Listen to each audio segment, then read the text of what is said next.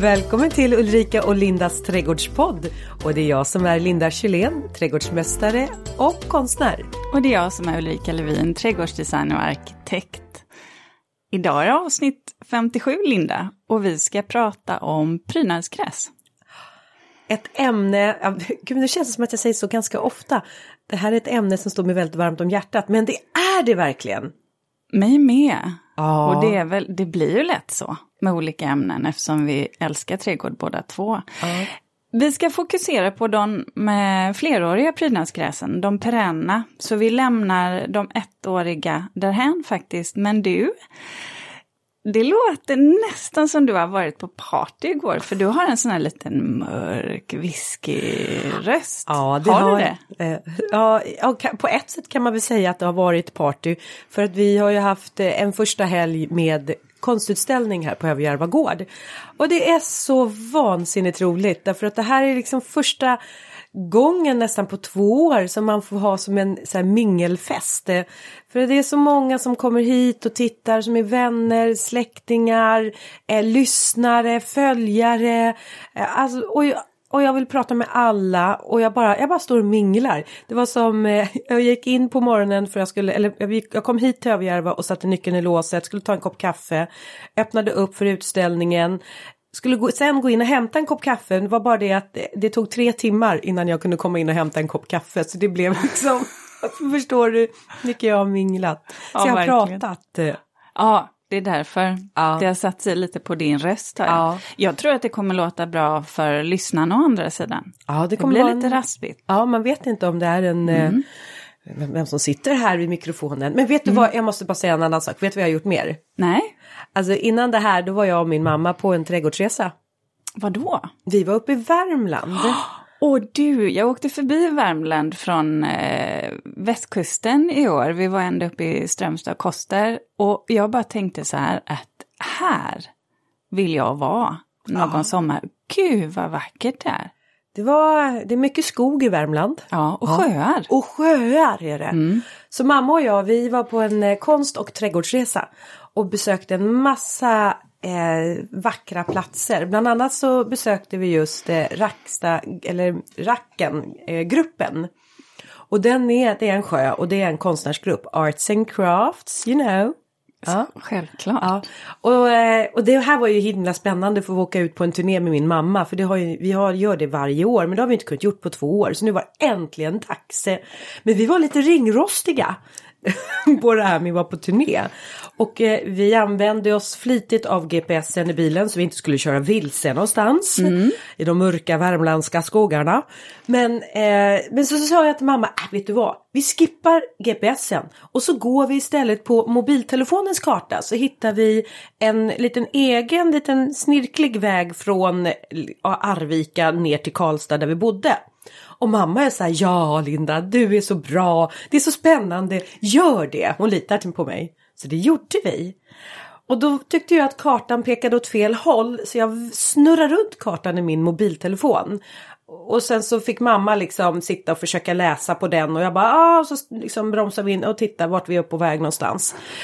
Men det var bara det att eh, efter en och en halv timme när vi borde vara i Arvika, nej nej, i Karlstad.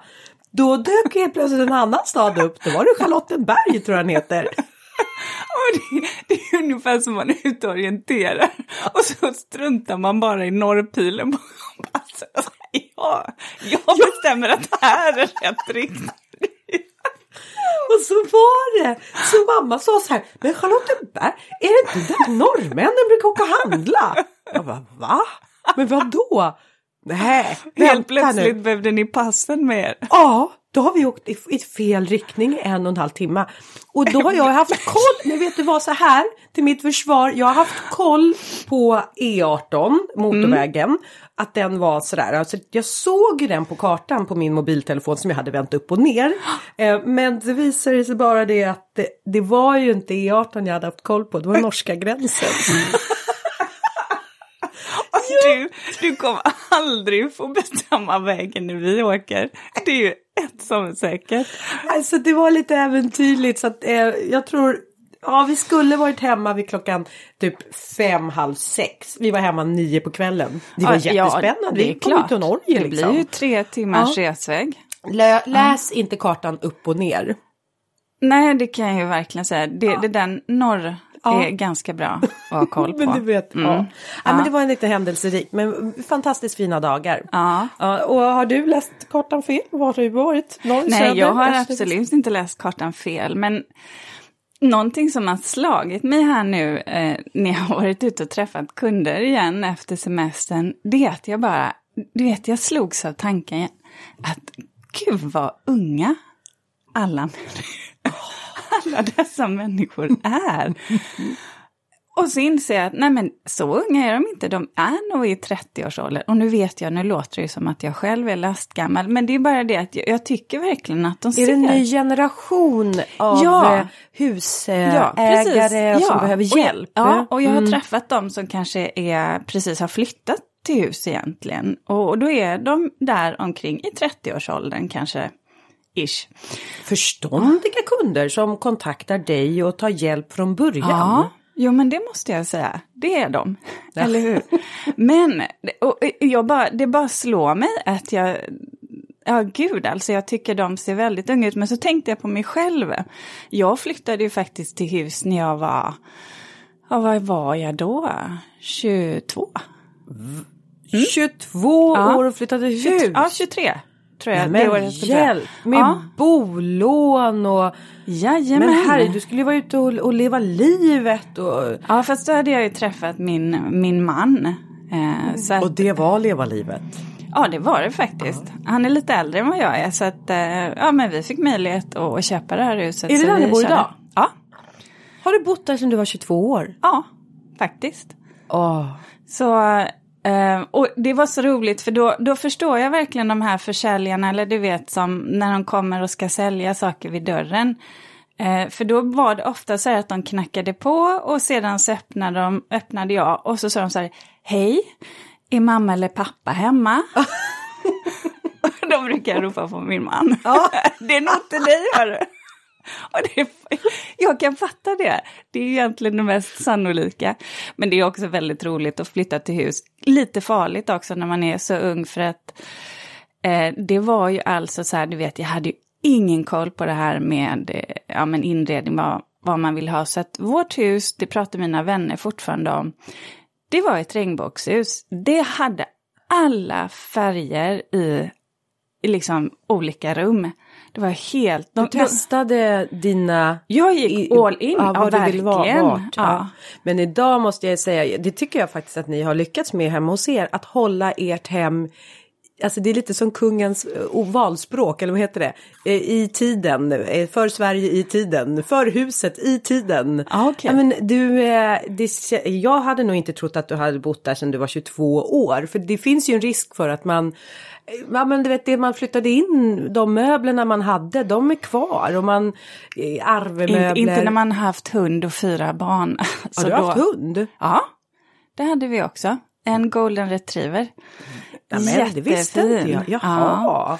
Det är väl lite därför också vi tvekar på det här med att skaffa hund. Eh, Men hade, för- köpte ni hund tillsammans? Ja, det gjorde vi.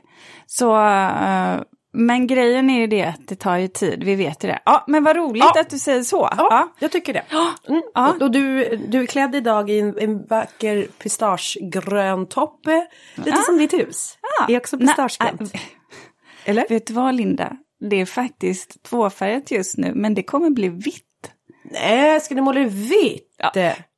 Nu säger du precis som min lilla dotter sa, min yngsta dotter, hon var så förbannad på mig när hon kom hem och såg att eh, huset hade Det är inte börjat målas hennes vitt. hus då? Nej, och sen sa hon i och för sig här nu för någon dag sedan att mamma, vet du vad, jag tycker det är okej, jag tänker inte ens på att huset är vitt längre, att det inte är grönt.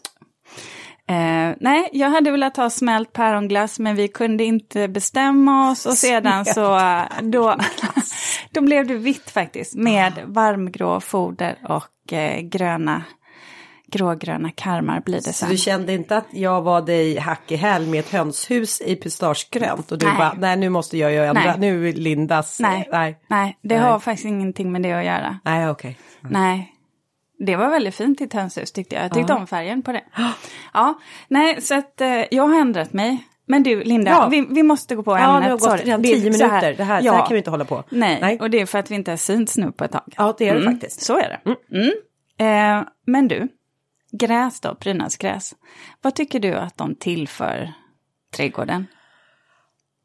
Gräs skulle jag säga är den sista pusselbiten som får ens rabatter att bli kompletta. För man kan använda sig av gräs att liksom väcka liv i en rabatt. Eh, eh, för att den har dels livfullheten, så här, oh den rör sig.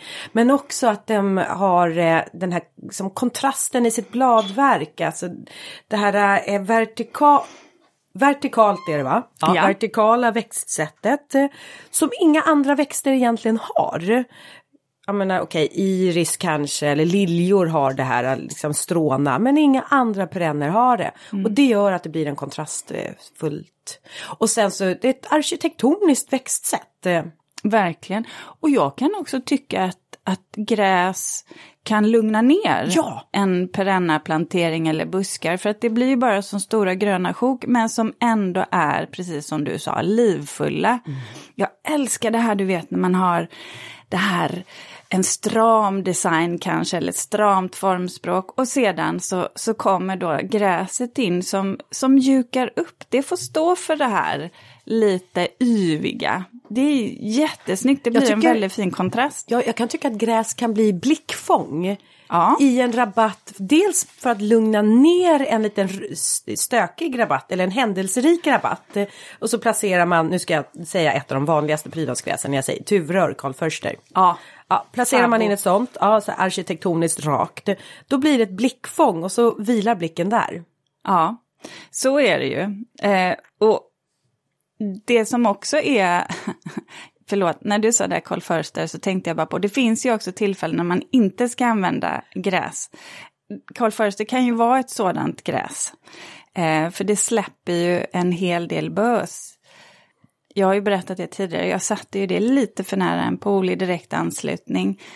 Ah, inte Vad är det för bös den släpper ifrån sig? Ja men fröna, stråna. Oh. För de, alltså korvförster är ju så här, de är ju jättefina så här liksom lite silvriga genomskinliga vipper. Där när de slår ut. Men sen drar ju de ihop sig och blir som hal, halmgula så här spiror istället.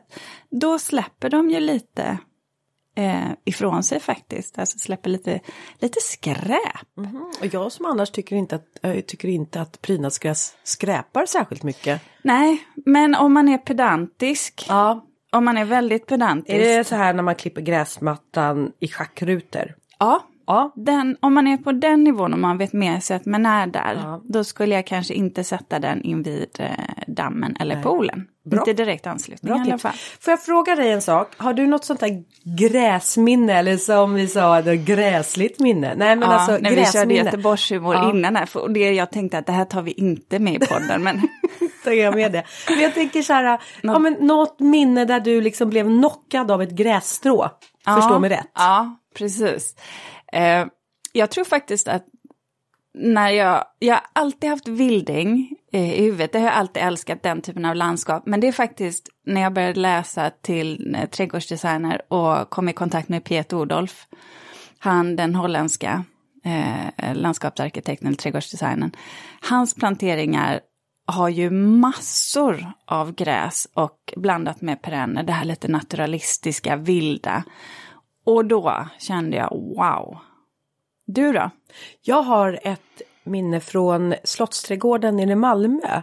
När jag tog en eh, promenad, sådär en, en vår, om det var försommar kväll, solen håller på att gå ner så att det är så här varmt solljus mot ljuset sådär du vet som väcker, eh, mm, väcker liksom trädgården till liv. Och så kommer jag gående och sen så ser jag i en sån här un eh, plantering under något uppstammat träd, några vita blommor. Jag bara, vad är det där för vita blommor tillsammans med lila blommande nävor, trädgårdsnävor. Jag bara, vad är det där för vita blommor, vad konstiga de ser ut. Det är liksom, de såg ut som små tuss, små, alltså så här, bomullstussar. Var det silverfrilet? Ja! Det var silverfryle som pockade på uppmärksamheten så jag bara var tvungen att gå fram. Och då slog det mig, men herre gisses Linda, du har blivit knockad av ett prydnadsgräs. men sen blev det faktiskt så här, sen förstärktes den här upplevelsen som att det här är liksom den vägen att gå, att man bör, bör, men alltså att använda sig av prydnadsgräs i en rabatt, det är någonting som blir den där sista pusselbiten. Och det var när jag var på Chelsea Flower Show i England och blev starstruck över dessa fantastiska eh, visningsträdgårdar. Mm. För då upptäckte jag ju ganska raskt att det fanns inte en enda trädgård som inte hade ett prydnadsgräs. Nej, det kan jag tänka mig. Mm. De är ju viktiga. Ja, men de är viktiga. Och det var det som jag kom ja, på där.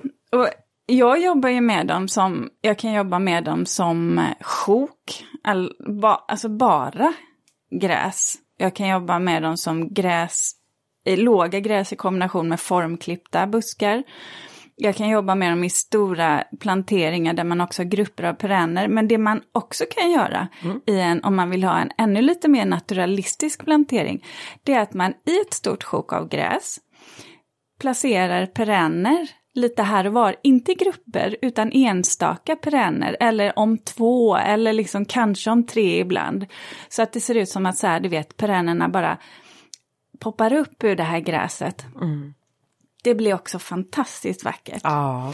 Jobbar med dem som insynsskydd. Mm. Jag har vissa favoritgräs som man kan ha i kruka. Mm. Det ska vi också prata om lite senare.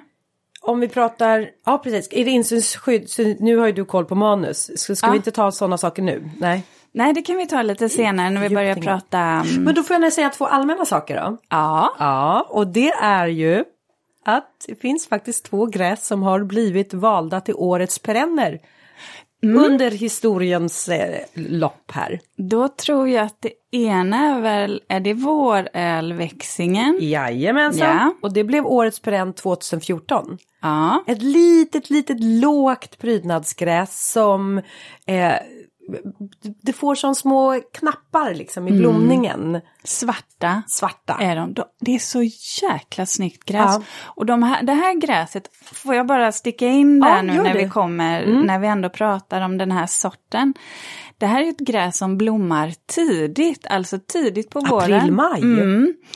Eh, vilket gör att man får vara lite, lite försiktig med att man kan liksom inte, man hinner nästan aldrig klippa ner det på våren för att då klipper man bort all blomning. Så att det här är ett gräs som jag faktiskt brukar rensa när bladverket har vuxit till sig och man kan bara dra loss de här förra årets blad då, eh, som har blivit lite bruna. Då brukar jag bara rycka loss det. Och vad mysigt det där låter att du går ut och putsar till det ja. där. Det låter inte som att du har så här vansinnigt många gräs utan det är liksom, man ägnar det här gräset ja. den tiden. Ja det har jag men sen så helt ärligt så tar ju det här gräset, eh, grästuvan tar ju över det här som är. Ja. Den heter Cecleria hefleriana. Ja, mm. jättefin att ha under en magnolia till exempel eftersom båda de blommar tidigt. Just det. Mm. Mm. Men sen har vi faktiskt också årets perenn 2007. Okej, okay. Mm. det vet jag faktiskt inte vad det är. Nej, det var jättetåtel. Ja, Ja. En specifik sort eller bara jättetotten? Det är eh, alltså transparens. Transparent. Mm, transparent är det så vi säger att den heter. Oh, mm. Ett av mina favor också, ja. favoritgräs. Ja, vet du, nu slår det mig. Jag tror jag har en bild här faktiskt eh, som jag har i mitt huvud från en av dina visningsträdgårdar.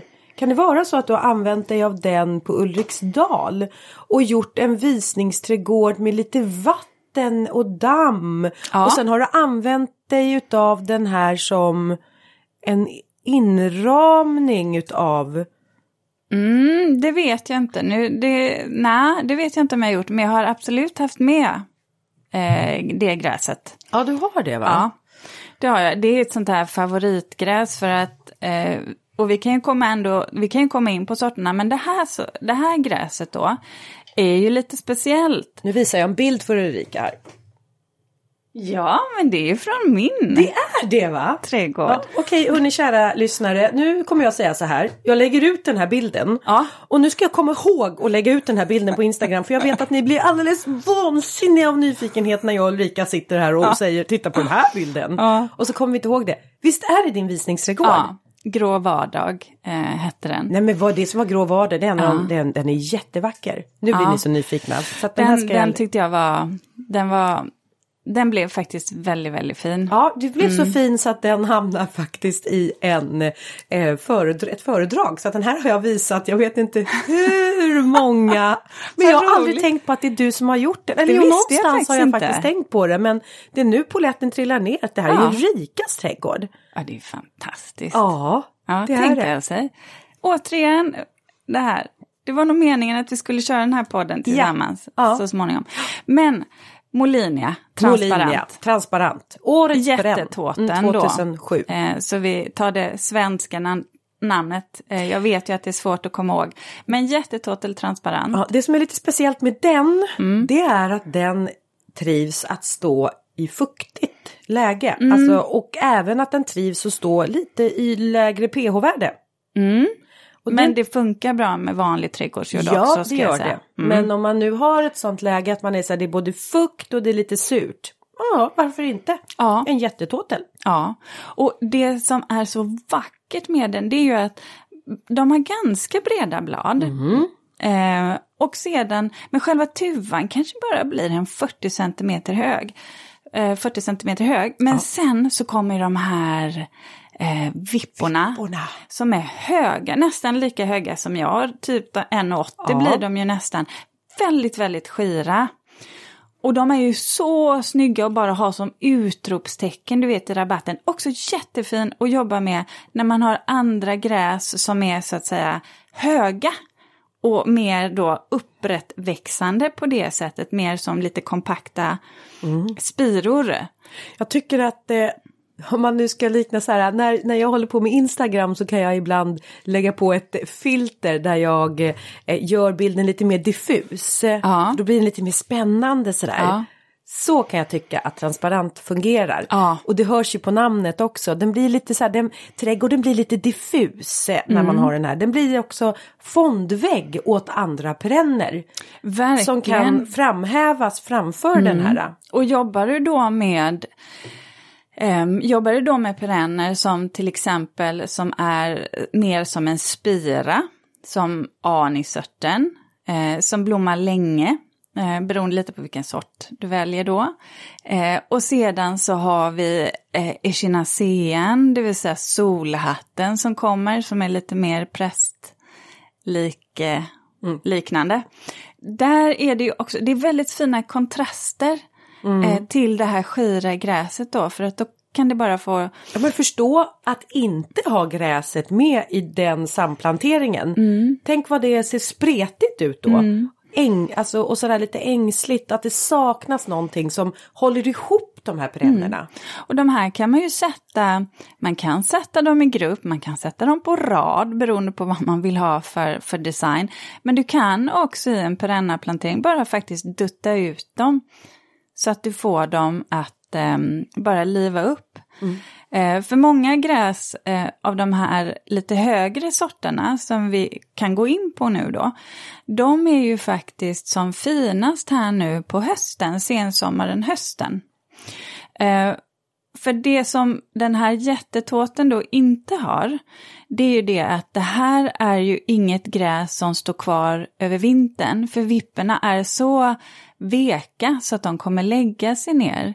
Men om man vill ha ett gräs som står eh, och är eh, alldeles bedårande under vintern, då har vi de japanska gräsen, glansmiskantusen. Just det. Har du några sorter där som du tycker om? Ja, men då har jag en och den är, det är Malepartus. Ja, Den gillar jag. Den har eh, så bordeauxröda vippor får den. Och också är ett väldigt tåligt eh, glansmiscanthus eller miscanthusgräs är det. ja det är det ju. Så den gillar jag och vill man ha en som blommar mera i så halmlikna vippor då har jag Nishidake. Ja, Den tror jag också finns som e-planta, gör den det? Jag är lite osäker men eh, Nishidake i alla fall. Göteborg, kan det stämma att den har det sort i sitt sortnamn? Ja, jag är, jag är osäker men Nishidake i alla fall. då, och det här det är ju två gräs som blir ganska höga av glansmiscantusen där. Eh, ja. Vill man ha ett som inte, för att Malepartus den blir ungefär den kan bli uppåt 1,70 högt. Ja, Definitivt. Nishidaken kan bli ännu högre, den kan bli 1,90 högt. Eh, men vill man ha en som är lite lägre utav de här japangräsen, då skulle jag vilja tipsa om Färne Orsten eller drottning, Ing- dronning Ingrid. Ja, och de har ju också lite de här röd, Ja, rödaktiga vipporna. mm. Miscanthus eh, sinensis. Ja, och en som, sort som jag gillar, eh, som är lite mindre då, om vi är inne på det, som kanske är 1,20 och sen kommer ju vipporna då. Eh, det är Kleine Fontaine. Den är ju så lite brun silveraktig i vipporna. En annan sort som är jättefin, det är ju Graciella. Den har ju väldigt smala blad, nästan som Gracillimus, men Gracillimus blommar ju inte. Men Graciella, smala blad som är ungefär meterhöga. Sen kommer vipporna ganska högt ovanför i silver, eh, skira. Och de är ungefär då på 160 centimeter. Så att där blir ju ett gräs där det så att säga- transparent då kan ja, man säga. lite där det svävar. Eh, också så här om man inte vill ha ett för högt gräs intill. Och sen har jag ett, eh, ett glansmiskantus som jag bara Ja, som jag bara älskar. På tal om eh, ett gräsligt snyggt minne, Linda. Eh, flamingo. Har du sett det gräset? Eh, nej, nu måste du nog eh, beskriva för mig. Ska vi se om det trillar ner en polett. i Det mitt- har så här lite silverrosa vippor. Ganska högt gräs Ja. eh, då. Är det ju så här 150-200. Men jag var ute och skulle besöka en eh, plantskola eh, som eh, höll på, som jobbade med perenner. Och så åkte jag förbi deras fält. Och bara, var, bara stannade. För du vet, det var ett hav av så att säga vipper som bara Dansade i vinden. Ja, i det här liksom lite skimrande rosa. Nu sitter både jag och Ulrika och gungar. Ja, höger, vänster, höger, vänster. Ja, och du använder händerna också. Herregud. Vilken tramdans. Nej, Ja. flamingodans var det. Men nej, Ja, så helt då fick du ett ljuvligt. sånt, sånt där Ja. Mm. minne som bara ploppar upp i huvudet nu. Mhm. För den var, de var jättefina.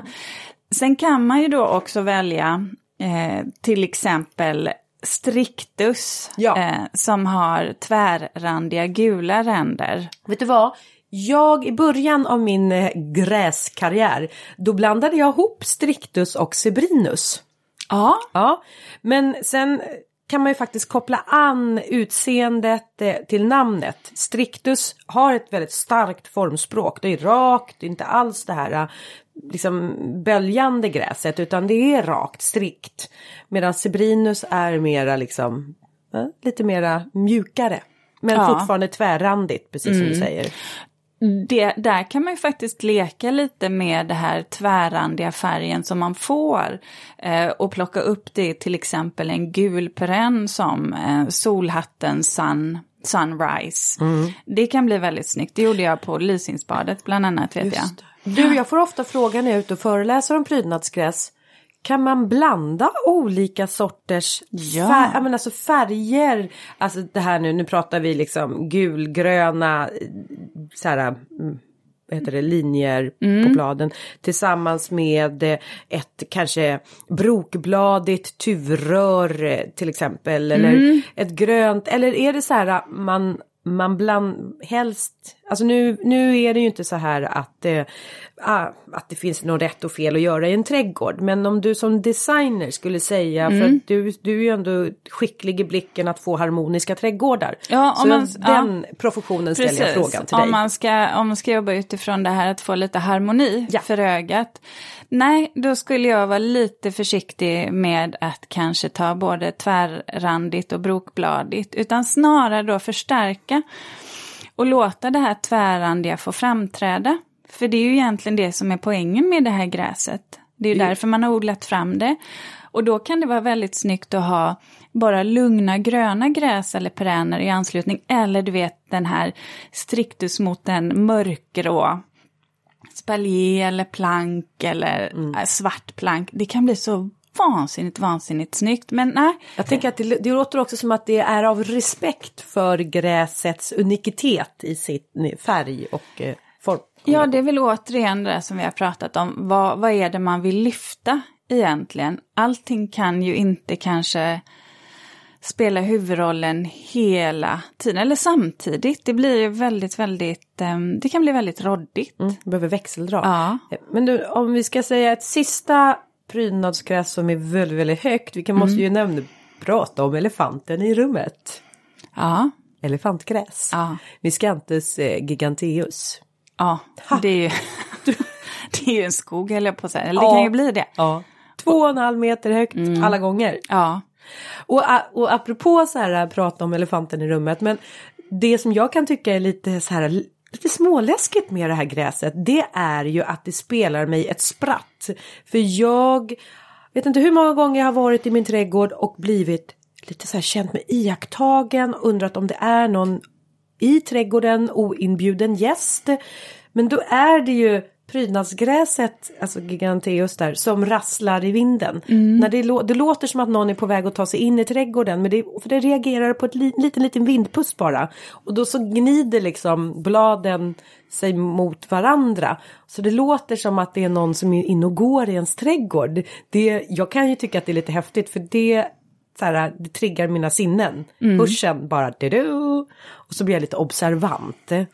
Och de här, det blommar ju inte. Nej. Gör det inte, men de andra glansmiskantusen som vi har pratat om, de flesta blommar ju. Och då kan man ju använda också vipporna till snitt, om man vill. Det är de fina, ibland som eternell, tror jag. Ja, jag använder mig flitigt utav eh, just det. Eh, både eh, tuvröret men också glansmiscanthus. Och silvergräset. Ja, Det också. absolut. Jag tänkte bara på det här när vi pratade, när vi pratade om de här högre eh, gräsen, för vi har också pratat om eh, Carl Förster, till Ja. exempel. Just det. Eh, och vad är det? Det är tuvtottel, va? Tuvrör. Tuvrör. Ja, tuvrör, Carl Förster, Calamagrostis actiflora. Precis. Och den finns ju både Carl Förster, den liksom gröna sorten, Ja. men sen har vi också Overdam. Den är väldigt fin. Den är grönvit randig. Det jag ville säga med det här, om man nu ska tänka sig att man ska använda det här som insynsskydd. Ofta så är det ju så att man tycker, ja men då tar vi det här högsta gräset, självklart. Grejen är bara det, att tuvröret då, till exempel Overdam eller kolförster, kommer ju igång ganska tidigt på säsongen så att där får man faktiskt ett eh, insynsskydd. Kanske någon gång där under i slutet på juni. Medans det här, de japanska gräsen, glansmisskantusarna, de kommer ju igång lite senare och blir ju faktiskt först riktigt höga, kanske in i, ja vad ska jag säga, slutet på juli, eh, början på augusti. Så att när man ska använda gräs som insynsskydd så måste man beakta att det får man inte förrän man har kommit en bit in på säsongen. Det kan man ha i tanken. Mm.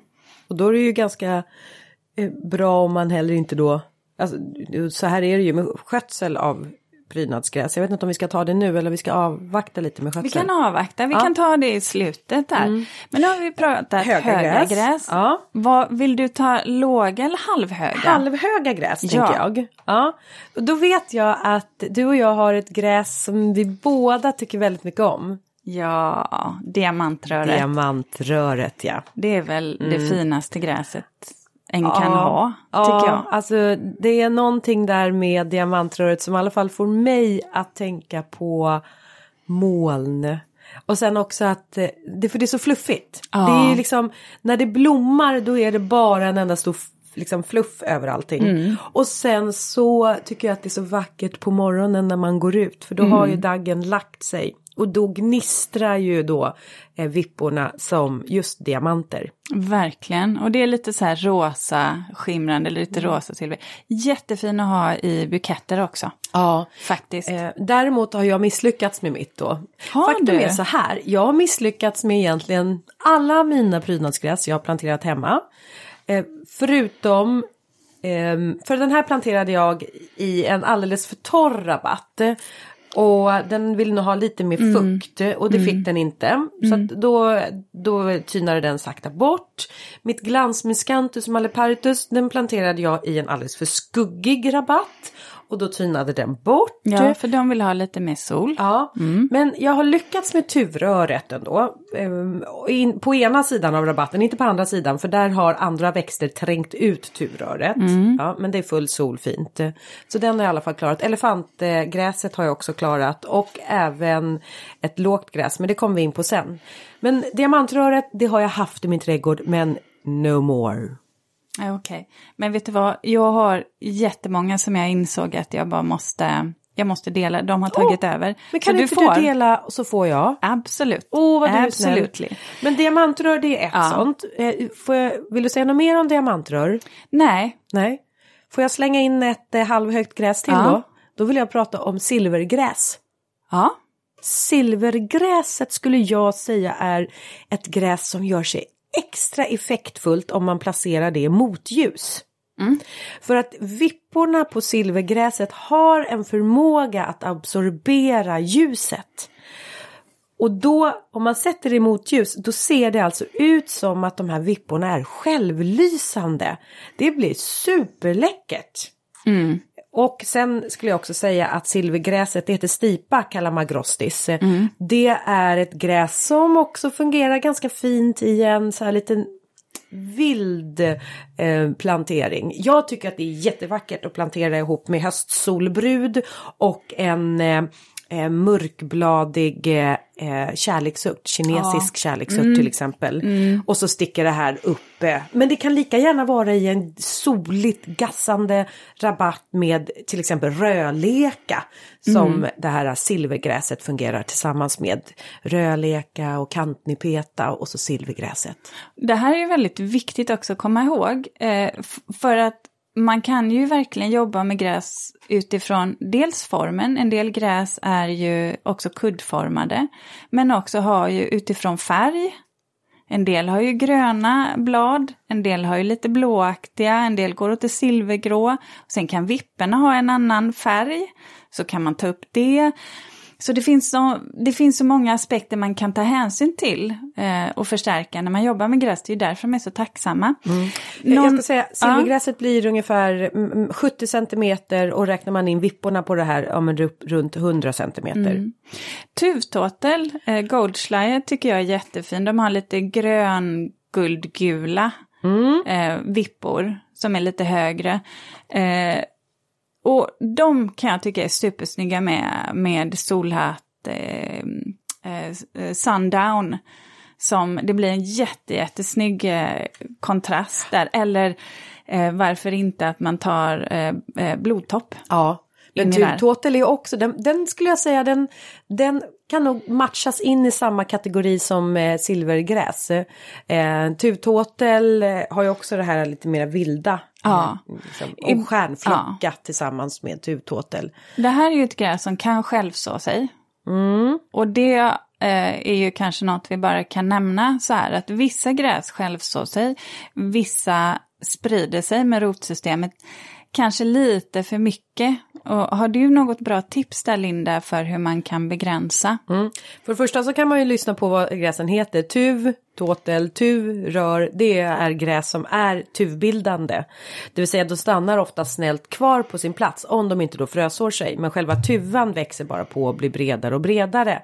Men sen har vi de där äh, gräsen som sprider sig med äh liksom rhizomer och, äh, och då till exempel äh, hakonegräset är duktigt på att sprida sig. Mm. Vi har även, och vad heter det här gräset som randgräs kallar man det för va? Som var så populärt på 60-70-talet också. Eh, och det är ju jättebra om man vill ha en marktäckare eh, gräs. Men vill man inte det då ska man inte plantera in de här typen av gräs egentligen i en rabatt på det sättet utan tänka då på avgränsningen. Och en avgränsning bör ju vara antingen så kan man använda marksten att avgränsa det med, plattor. Eh, eller också så är det ju faktiskt att gräva ner en, alltså jag kan ibland använda mig av som en vanlig sån markduk som man liksom gräver ner. Mm. Eller... Och, ja, och så får man ju precis som alla, med alla eh, perenner som har en tendens, eller perenner växter som har en tendens att ta över, man får ju helt enkelt kapa rotsystemet. Ja. Ja, Så att de inte kan komma vidare. Nej. Där. Men det kan man tänka till, det är bra att läsa på så att man inte blir besviken och eh, att gräset tar över Ja. allt. Precis. Men tuvtåtel den blir ungefär 50 centimeter. Cirka lite högre men blomningen 80 runt. kanske är blomningen ja, där. blomningen. Ja. Sen är det ju så här att jag kan uppleva tuvtåten ibland och många, eh, att tuvtåten ibland kan bli lite ihålig i mitten och det är ganska vanligt hos flera gräs så småningom att de kan, de, de blir ihåliga. Och då är det en signal för att det är dags att dela den här Exakt. tåten. Det här, och då pratar vi oftast de här gräsen som då är tuvbildande. Men Ja. då är det ett så här sign på nu är det dags att dela. När delar man gräs lämpligast?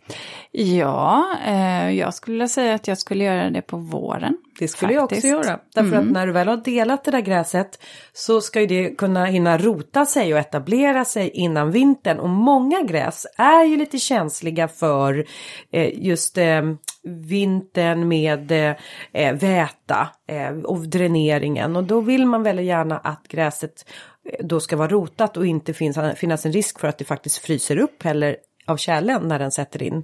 Så, Så är det ju. vårplantering tycker jag faktiskt är att föredra. Och det är lättare att hantera gräsen då än när de har, du vet, hålla på att dela ett gräs som är två meter högt.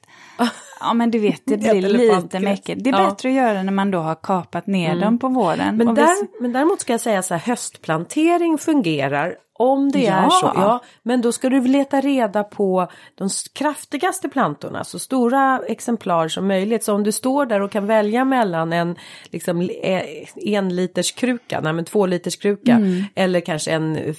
Tre och en halv ja, tre och en halv, kruka. Mm. ja, väldigt större Ja. exemplaret. Men Ja. vet du vad, vad jag tänkte på? För du nämnde ju, du nämnde ju hakonegräset som precis.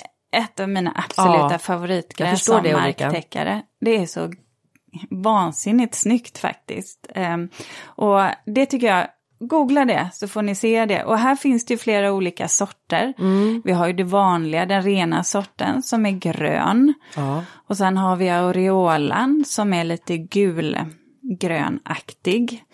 Eh, och den ska man tänka på, den blir lite grönare i skugga. Den blir lite blekare om den står i full sol. Eh, och det här är ett gräs som ja, men, kan växa i princip var som. Däremot så är den ju inte förtjust i torka. Nej, Det den ska man- behöver ja. fuktighetshållande jord. Och jag ska säga att hakonegräset, eh, och vågar man ens uttala det på latin, hakone cloa macra. Så skulle jag också säga. Du skulle det? Ja. Det blir ungefär 30 centimeter högt. Men det som jag också kan tycka är ett prydnadsvärde med hakonegräset det är att det på hösten får en eh, liten rodnad i bladverket. Mm. Så att det går, övergår till att bli lite så här eh, röd eh, bronsaktigt. Och, har lite, den- och det beror lite på hur mycket sol Ja. det får, Mm. ska vi säga. Ja. Den, som alla sådana här höstfärger, det, det är lite mer drag i dem om de, står soligt. Ja, det har rätt i. Eh, och så får den en oansenlig liten blygsam blomning. Ja, den syns ju i princip Nej, inte. de brukar gömma sig så här lite blygt under, under ens eh, eh, blad. Men du, där, blommorna på prydnadsgräs då, Mm. att de inte blommar så här med kraftiga färggranna blommor, det handlar ju om att de här är ju självständiga. Prydnadsgräsen behöver ju inte locka till sig pollinatörer, utan eh, prydnadsgräs är, eller gräs är ju vindpollinerande. Så de pollineras ju av vinden, alltså att de sprids av vinden och det gör att eh, de behöver inte vara så smaskiga och med eh, fulla av nektar för att de ska överleva, utan det här fixar de själva. Ett av mina favoritgräs också som jag jobbar med mycket, det är ju storfrylen. Eh, som faktiskt är delvis vintergrönt. Eh, jag är det den du har planterat i din egen trädgård? Mm, precis när man kommer in, Man ja. kommer in, ja, det är läckert. Ja, Snyggt. Den är ju fin och den har ju lite bruna vipper. Den kan jag tycka är supersnygg att ha i stora sjok. Eh, och du vet kanske bara ha allium och narcisser däremellan. I år hade jag tulpaner. Eh, det blir, de är ju väldigt tacksamma. Alltså, det är ett sånt tacksamt gräs som kan växa i sol, i skugga, i skarpa slänter. Alltså var som helst. Så att under träd, där ingenting annat vill växa, typiskt en sån växt som jag kan använda mig För av. där du har det nu är det ju ganska skuggigt om inte jag Ja. missminner mig. Mm. Och mycket rotkonkurrens, det är ett ställe där vi har provat att plantera mycket. Har Men ni av- silverpäron där? Nej, men ett Prunus acolada, ett Ah, prydnadskörsbär har vi. Och en väldigt gammal eh, ligusterhäck som i princip har förgrenat sig eh, under ytan hela vägen in. Så att där har vi faktiskt bara eh, gräset nu då. Det man ska komma ihåg med det här storfrilen, dels så har det också en tendens att fröså sig lite överallt, så man ska vara lite försiktig också om man har, så att den inte kommer ut för långt i naturen beroende på vilken trädgård man har. Men här har jag råkat ut för att eh, eftersom det här är vintergrönt så vill man ju inte gärna klippa ner det. Men om man inte gör det så har jag också få, fått bilder från kunder som säger bara men Ulrika, vårt gräs är alldeles brunt. För att det som då var grönt förra året, när nytillväxten kommer, då kommer det att vissna. Och om man då inte tar bort det, ja men då, då, då är det nästan som att hela plantan ruttnar. Så jag brukar faktiskt på mina egna ta gräset, det vintergröna gräset, ganska tidigt. Det kan vara liksom redan i ja, men mars-april innan det här kommit igång. Ta det som en tofs och sen så tar jag en sån här handsekatör. Eh, eller handsax heter det väl. Och så klipper jag av dem nästan så att det blir som en liten kudde. Men så är jag också väldigt, väldigt försiktig så att jag inte klipper av nytillväxten. Så att här måste man, här måste man liksom ha lite känsla för när man ska klippa och hur man klipper. Och så blir det de här bruna bladen då som blir kvar sen. Ja, när det nya har kommit och blivit tillräckligt stort och då brukar jag gå och liksom dra loss det här för hand. För det är nästan, det, har man stora sjok av det här så dels blir det inte snyggt om det här bruna kommer fram och dels så blir det lite svårhanterligt att försöka beskära efteråt. Man kan liksom inte gå och rycka allt. Det orkar man inte om man har 200 planter. Nej. Och nu kom vi in på eh, faktiskt eh, det här med beskärning av prydnadsgräs. Eh, och det är ju på våren man beskär sitt prydnadsgräs. Och du sa ju det också att eh, eller det var faktiskt inte det, men du sa ihåligt, men då menar du att själva växtsättet blir ihåligt. Men även de här stråna har ofta en i, eller har, alltså när det gäller gräs så har det en hålighet i sig. Oj. Och då eh, finns det en risk för att under vintern om man klipper ner sitt gräs på hösten att det kan komma ner fukt i de här håligheterna. Och har man otur så bildas det Gud vad jag blev så här i halsen då. Ja, Så det bild... var- Ja det är ja. min eh, röst. Ja. Ja. Nej men då bildas det, mm, kan det faktiskt eh, bildas för mycket fukt ner i rotsystemet och sen kommer kylan och så kan det Mm. frostsprängas. Så att därför så ska man inte klippa ner sitt gräs på hösten utan låt det vara. Och sen också för skön prydnadsvär- eller skönhetsvärdet. Vipporna är ju, det är ju som det som gör att trädgården ser så här mjuk och har höjd och livfull även på vintern. Och sen är det så här att man får, jag tycker, om man inte kan, läs gärna på. För vissa gräs då kan man ju nästan klippa, alltså kan man klippa ganska långt ner, alltså nära backen som hakonegräset. Om man då har koll på att nytillväxten inte har kommit för långt, beror på när man klipper. Men sådana här saker som glansmiskantes, de ska du ju inte jämna längs med backen, utan jag brukar spara kanske en 5-10 centimeter. Det är jag också. Och där är ju viktigt att vara ute där på våren. Alltså, det beror lite på när våren sätter igång. Ja. Men man kan ju se på tuvan. Man går och tittar på tuvan och ser har det börjat dyka upp några nya strån. Mm. Och då är det dags att klippa ner fjolårets. För att om man Verkligen. klipper ner det vid ett senare tillfälle när mycket av stråna redan har kommit upp. Då kapar det ju liksom stråna. Och tillväxten på gräs sitter ju inte i toppen. Utan det sitter ju liksom i basen. Ja. Och då får du ju ett stympat gräs. Så Ja, det gå blir ut- faktiskt inte snyggt. Nej, det är inte det som är skönhetsvärdet liksom. Nej. Utan man vill ju ha stråna. Men det gör Så man att- en gång Det kan jag lova. ja, Ja, det gör man gång. Sen har man, har man liksom fattat principen där. Ja. Jag brukar återanvända en hel del av grässtrånen på, i varje fall på mitt hakonegräs där och faktiskt använda som marktäckning sen. Mm, det är väl jättebra att göra det. Ehm, så att, för det blir ju lite så här uh, fnöskigt torrt liksom. Ja, som halm. Ja, eh, så att klipp ner det där på våren innan och sen så kan det ju vara många som är så här, men är det ens liv i den här lilla ruggen? Och om man är osäker, Då greppar man gräset i så kraftigt och så luggar man den och rycker i det. Och lossnar de här stråna, ja men då kan det nog vara så att eh, mm. det har ruttnat. Men sitter det fast i ett schysst grepp, mm. ja men då är det liv i det. Så är det. Mm. Gödning och så tänker jag, det går vi inte in på för det beror det, det beror ju på vilken typ av gräs man använder, men naturgödsel funkar ju precis som det gör för perenna växter. Mm. De behöver inte alltid ha så himla mycket näring, men det beror återigen på vilket gräs mm. man använder. Fördelen med... Ja, precis.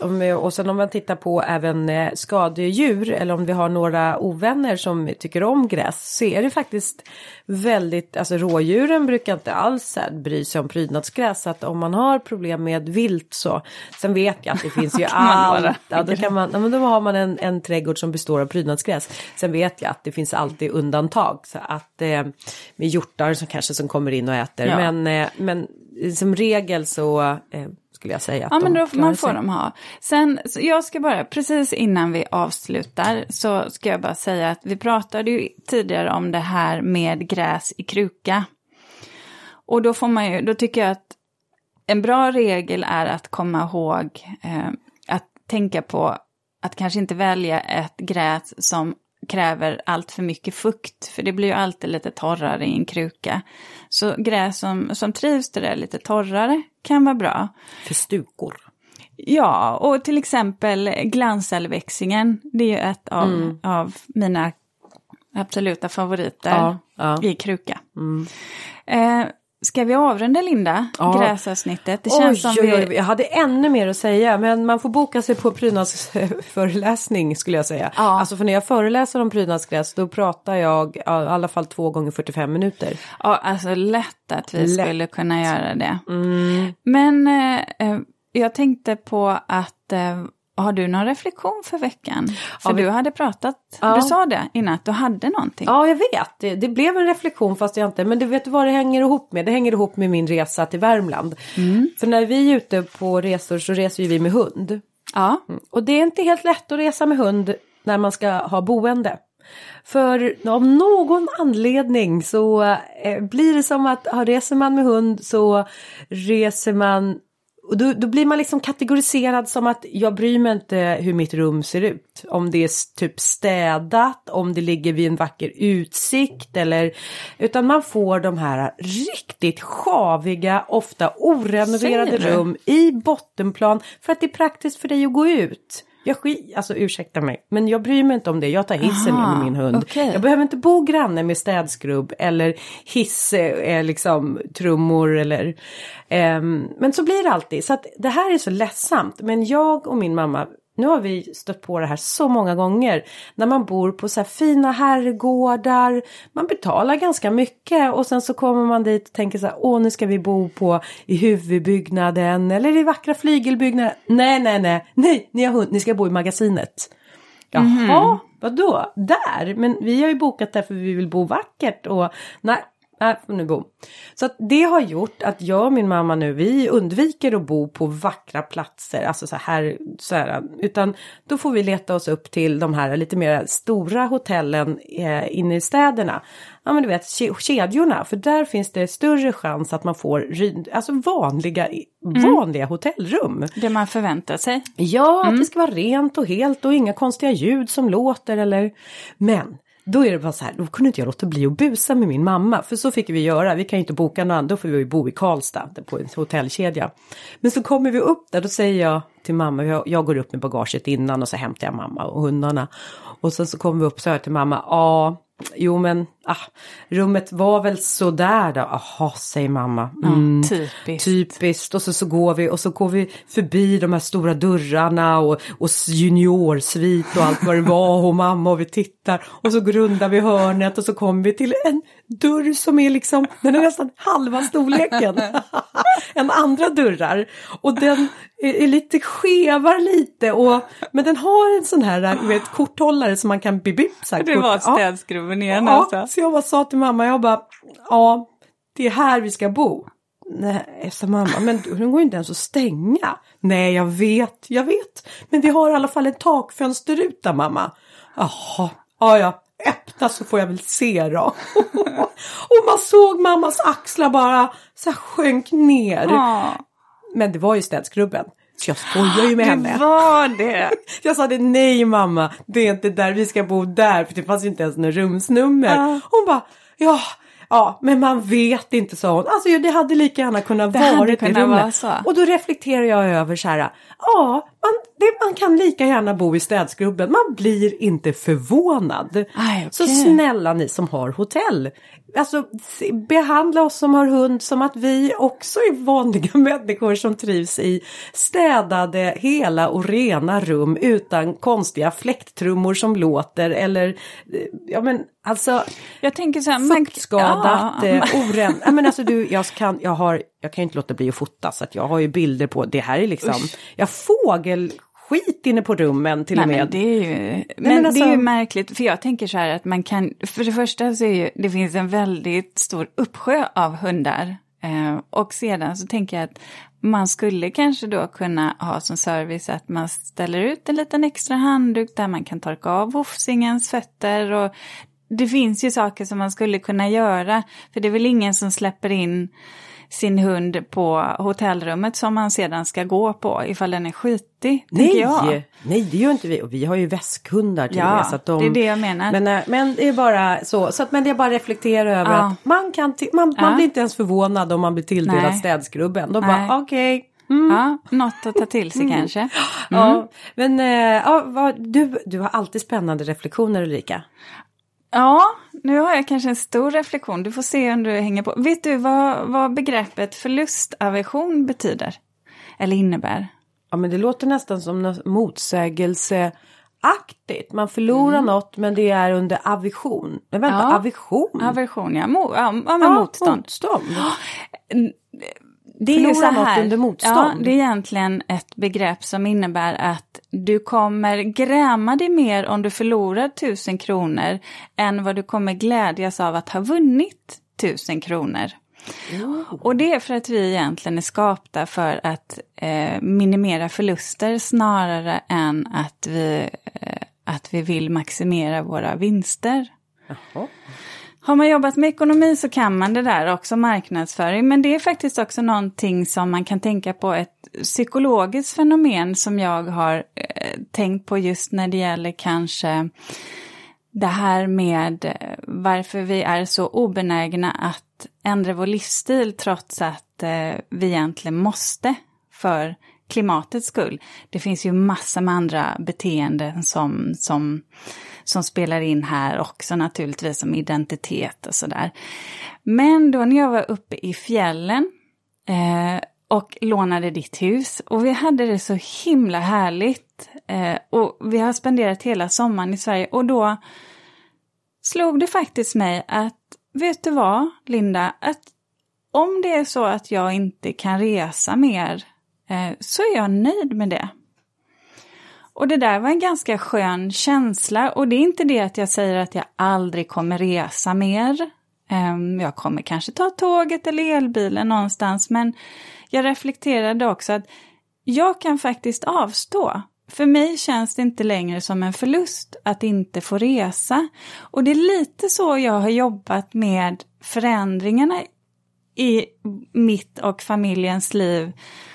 Att se det här som i vår ambition att så att säga halvera våra utsläpp eh, så har jag sett det som att vi gör det som en process.